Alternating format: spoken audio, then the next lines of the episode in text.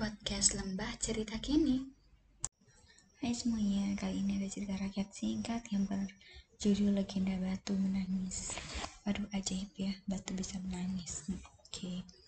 jadi ceritanya di sebuah bukit yang jauh dari desa di daerah Kalimantan hiduplah seorang janda miskin dan seorang anak gadisnya. Anak gadis janda itu sangat cantik cerita, namun sayang, ia mempunyai perilaku yang amat buruk Gadis itu amat pemalas, tak pernah membantu ibunya melakukan pekerjaan-pekerjaan rumah. Kerjanya hanya bersolek setiap hari.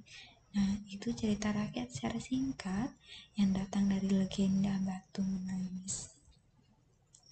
Tentunya ada cerita panjangnya yang perlu pendengar semua dengar, baca atau pendengar. So, itu dia cerita singkatnya. Jadi kita akan ketemu lagi di next episode. So, see you. Bye. Sampai jumpa lagi. Jangan lupa dengarkan semua episode yang ada.